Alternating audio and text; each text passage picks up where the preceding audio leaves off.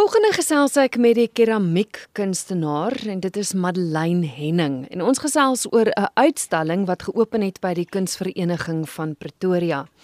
Kom ons gesels eers oor die tema en die titel van die uitstalling. Dis Imperfectly Perfect of in Afrikaans sien ek het dit vertaal na weerloos volmaak. Vertel my van van die van die titel en hoe dit by die tema aansluit. So die imperfectly perfect, as ek dit maar in Engels kan stel daar, is gaan eintlik oor hoe hoe mense gesien word van buite af en ehm um, hoe beauty, verskoon my Engels hierso, gesien word van buite af in die tradisionele ding van wat mense dink dit is. En ons uitstalling wys wat baie mooi is wat nog steeds nie perfek is nie. So waar daar probleme is of ehm um, flaws is om dit so te stel, wat is nog steeds baie mooi. Vir my het ek het borskanker gehad ruk terug en vir my is dit die hele ding van jy kry mos nou jou skaars en so aan. En wat maak 'n vrou nog steeds mooi as jou hare weg is en jou bors is borste is weg en so aan? Wat is dit wat nog steeds, jy weet, jou 'n mooi persoon maak? Ja. En ek het dit probeer uitbeeld met stukke van die klei wat ek weggevat het uit my kuns om 'n nuwe prentjie te maak. So die mooiheid kom dan daar uit deur wat letterlik weggesny is. Ja. So dis 'n baie persoonlike tema um, wat nogals redelik na in jou hart lê.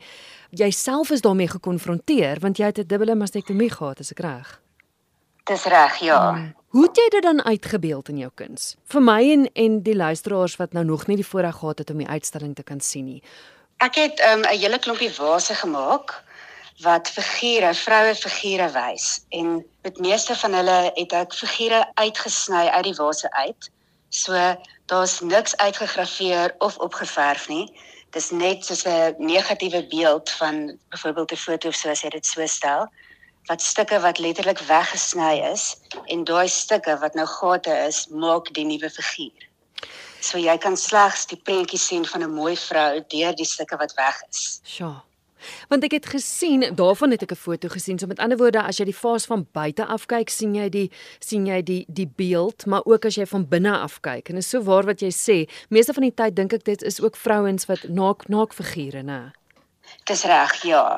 Oh, oh. Ek het um ek het twee groot stukke ook wat eintlik my hoofstukke is, wat ook daar's vyf versteekte figure in die vaas en buiteom is dit uitgegraveer met 'n woude en bome en so aan goeders wat eintlik baie mooi is om te sien. Mm. En as jy net van buite af kyk dan weet jy nie noodwendig daar's figure in nie, maar as jy van binne af kyk dan kan jy skielik sien o, jy's al die gate in die waas van buite af word gemaak deur figure. En as daar lig insit en dit is donker, dan kan jy net die figure sien buite. Sjoe. So dis 'n bietjie van 'n dubbel konsep. Ja. Ek het eers gelees en ek het ook 'n video gesien wat Gordon Fraud gedoen het. Hy hy was julle openingsspreker gewees. Eers iets van 'n 'n muur van borste. Het ek reg gelees? O ja. ja nee, dis reg. So ek het verskillende borste gemaak met um verskillende patrone uitgesny op dit.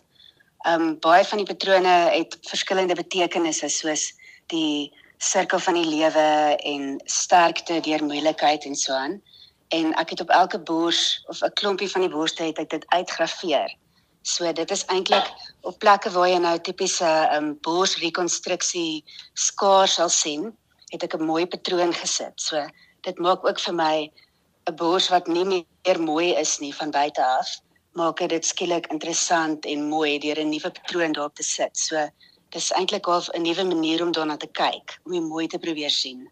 Ja, en dit is nogals interessant eintlik die sagste vroulikste deel van 'n vrou se liggaam wat uitgebeeld word deur hierdie hierdie harde medium as mens dit half soort van kan sê wat wat gebak word.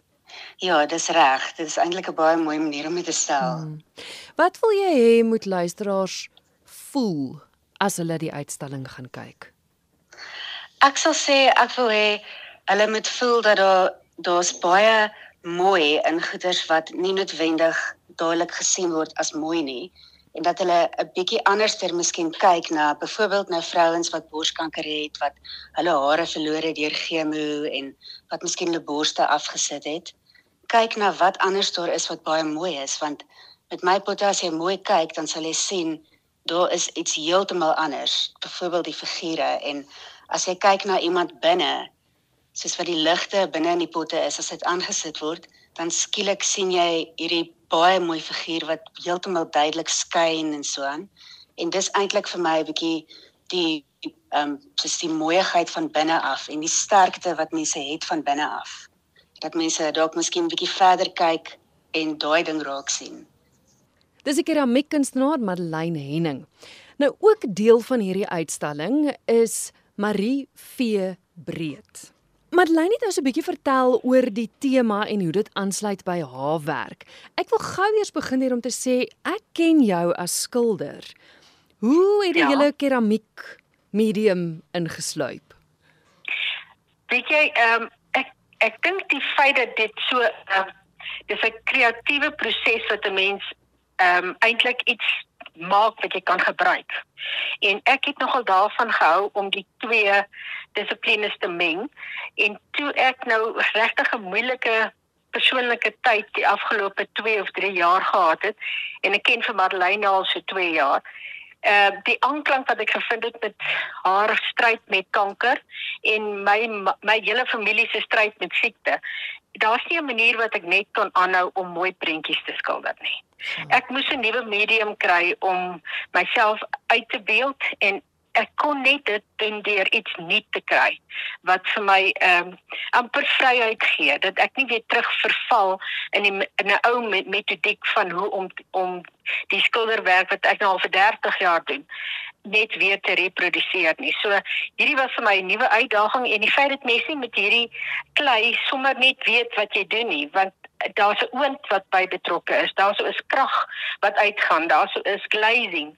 So dit was vir my 'n wonderlike ervaring en 'n uitdaging. Mm.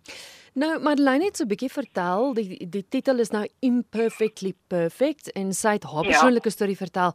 Sy sê dit is die dis om die mooi raak te sien hoe goed dit nie noodwendig dadelik mooi lyk nie. En sy persoonlik, ja. sy het 'n dubbele mastektomie gehad, so sy moes anders na haarself ook kyk.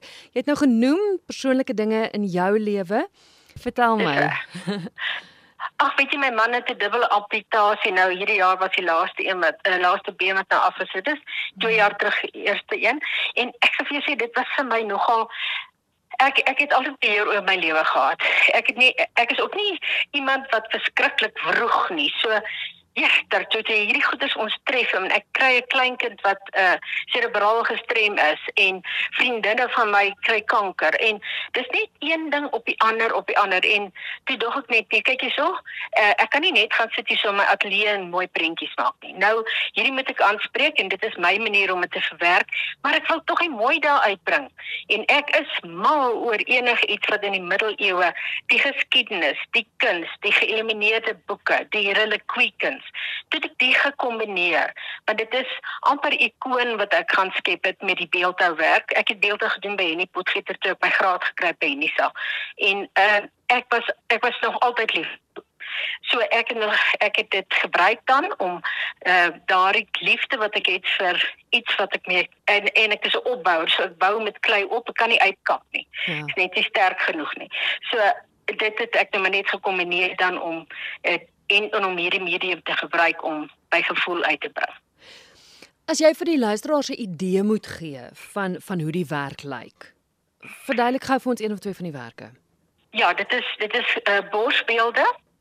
Pragtige borsbeelde, maar uh die bors die die figure het almal iets wat fout is met hulle. Daar's of 'n uh, sê net maar 'n 'n geboortevlek wat teen die nek oploop en daar's of 'n haarslippie of daar so is ehm um, vitiligo, jy weet hierdie dubbele kleur uh, velkleure, mm. maar almal het vir my amper 'n regelnis aan aan hulle koppe. Ek dink ek dink die feit dat ek party van hulle met toe oë uh, uh uitgebeeld het. En ander wat vir jou reg in die oog kyk uh wat nie 'n haar op haar kop het nie en sy ek weet sy struggle met kanker maar sy gaan dit maak en die lewe is daar om te geniet en sy is nie depressed nie. Dis wat uh, Gordon ook gesê het hierdie uitstalling gaan oor oor mense wat siek is en siekte toestande maar niks daarvan is depressief nie dit is definitief uh iets wat ons deur gewerk het en ons sien lig aan die einde van die tonnel.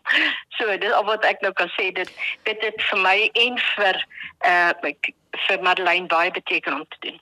Kyk, dis natuurlik 'n tema wat my baie na in die hart lê. En dit is vir my so wonderlik, soos jy nou sê dat dat die die dinge wat which is frowned upon jammer vir die Engels maar jy weet ja. dat mense altyd skeef aankyk julle het dit so mooi uitbeeld en vir mense kan wys maar ten spyte van ja ten spyte van mm, uh, ja. om net om mens te wees en om almal het iets mooi in hulle mm ek ek is verragtig nie ek kan staan wat net die negatiewe. En ek is nie jy weet ek is altyd altyd met grappies besig maar hierdie is nou iets wat my geruk het. So uiteindelik het ek nou werklik waar diepte in my werk gevind deurdat ek hierdie moes interpreteer. En ek is so bly Gordon uh, vrou het dit raak gesien en het was so opgewonde om dit te kom open want dit is iets ek het eers met daai in uh, uh, Victor gepraat en sy het ook 'n nieroorplanting gehad en om te leef en te werk met siekte die heeltyd. Mm. Uh dit dit het 'n ander uitdaging, né? En dit laat mense kyk na die wêreld met nuwe oë. En ek is so bly Madeleine kon byvoorbeeld deur haar sy het 'n hele muur vol worste gemaak. Ja. Maar dit is so mooi. Weet jy, ek sê sê dit is die pragtigste goed en dit is 'n nuwe herinterpretasie en ek dink sy sy deur hierdie trauma gewerk deur daai 'n hele muur vol te maak. So laaste vraag ek wil tog net sê dit is oorwegend keramiek wat jy ook gedoen het, maar daar is ja. tog twee skilderye wat ingesluit is, né? Ja, daar sou is ehm um, Las Meninas van Belask. Ek het nie die tema gebruik maar ek het die hele skildery verander want ek het die uh, ag jy weet ek het baie gelees oor wat gebeur het met mense met gebreke in die middeleeue. En die die dwergies gekoop en verkoop, hulle is verhandel, hulle is gebruik as ehm um, jesters en uh, hulle mense maak lag in die ou ehm um, tydperke. Mm -hmm. en ek het toe nou die infanta as 'n dwerg aangebied want ek wou net jy weet ekstra eh, gravitas aan hierdie persoon gee. Ek meen hierdie mense bekeer niks in hulle koppe nie. Dis net hoe hulle lyk wat anders is.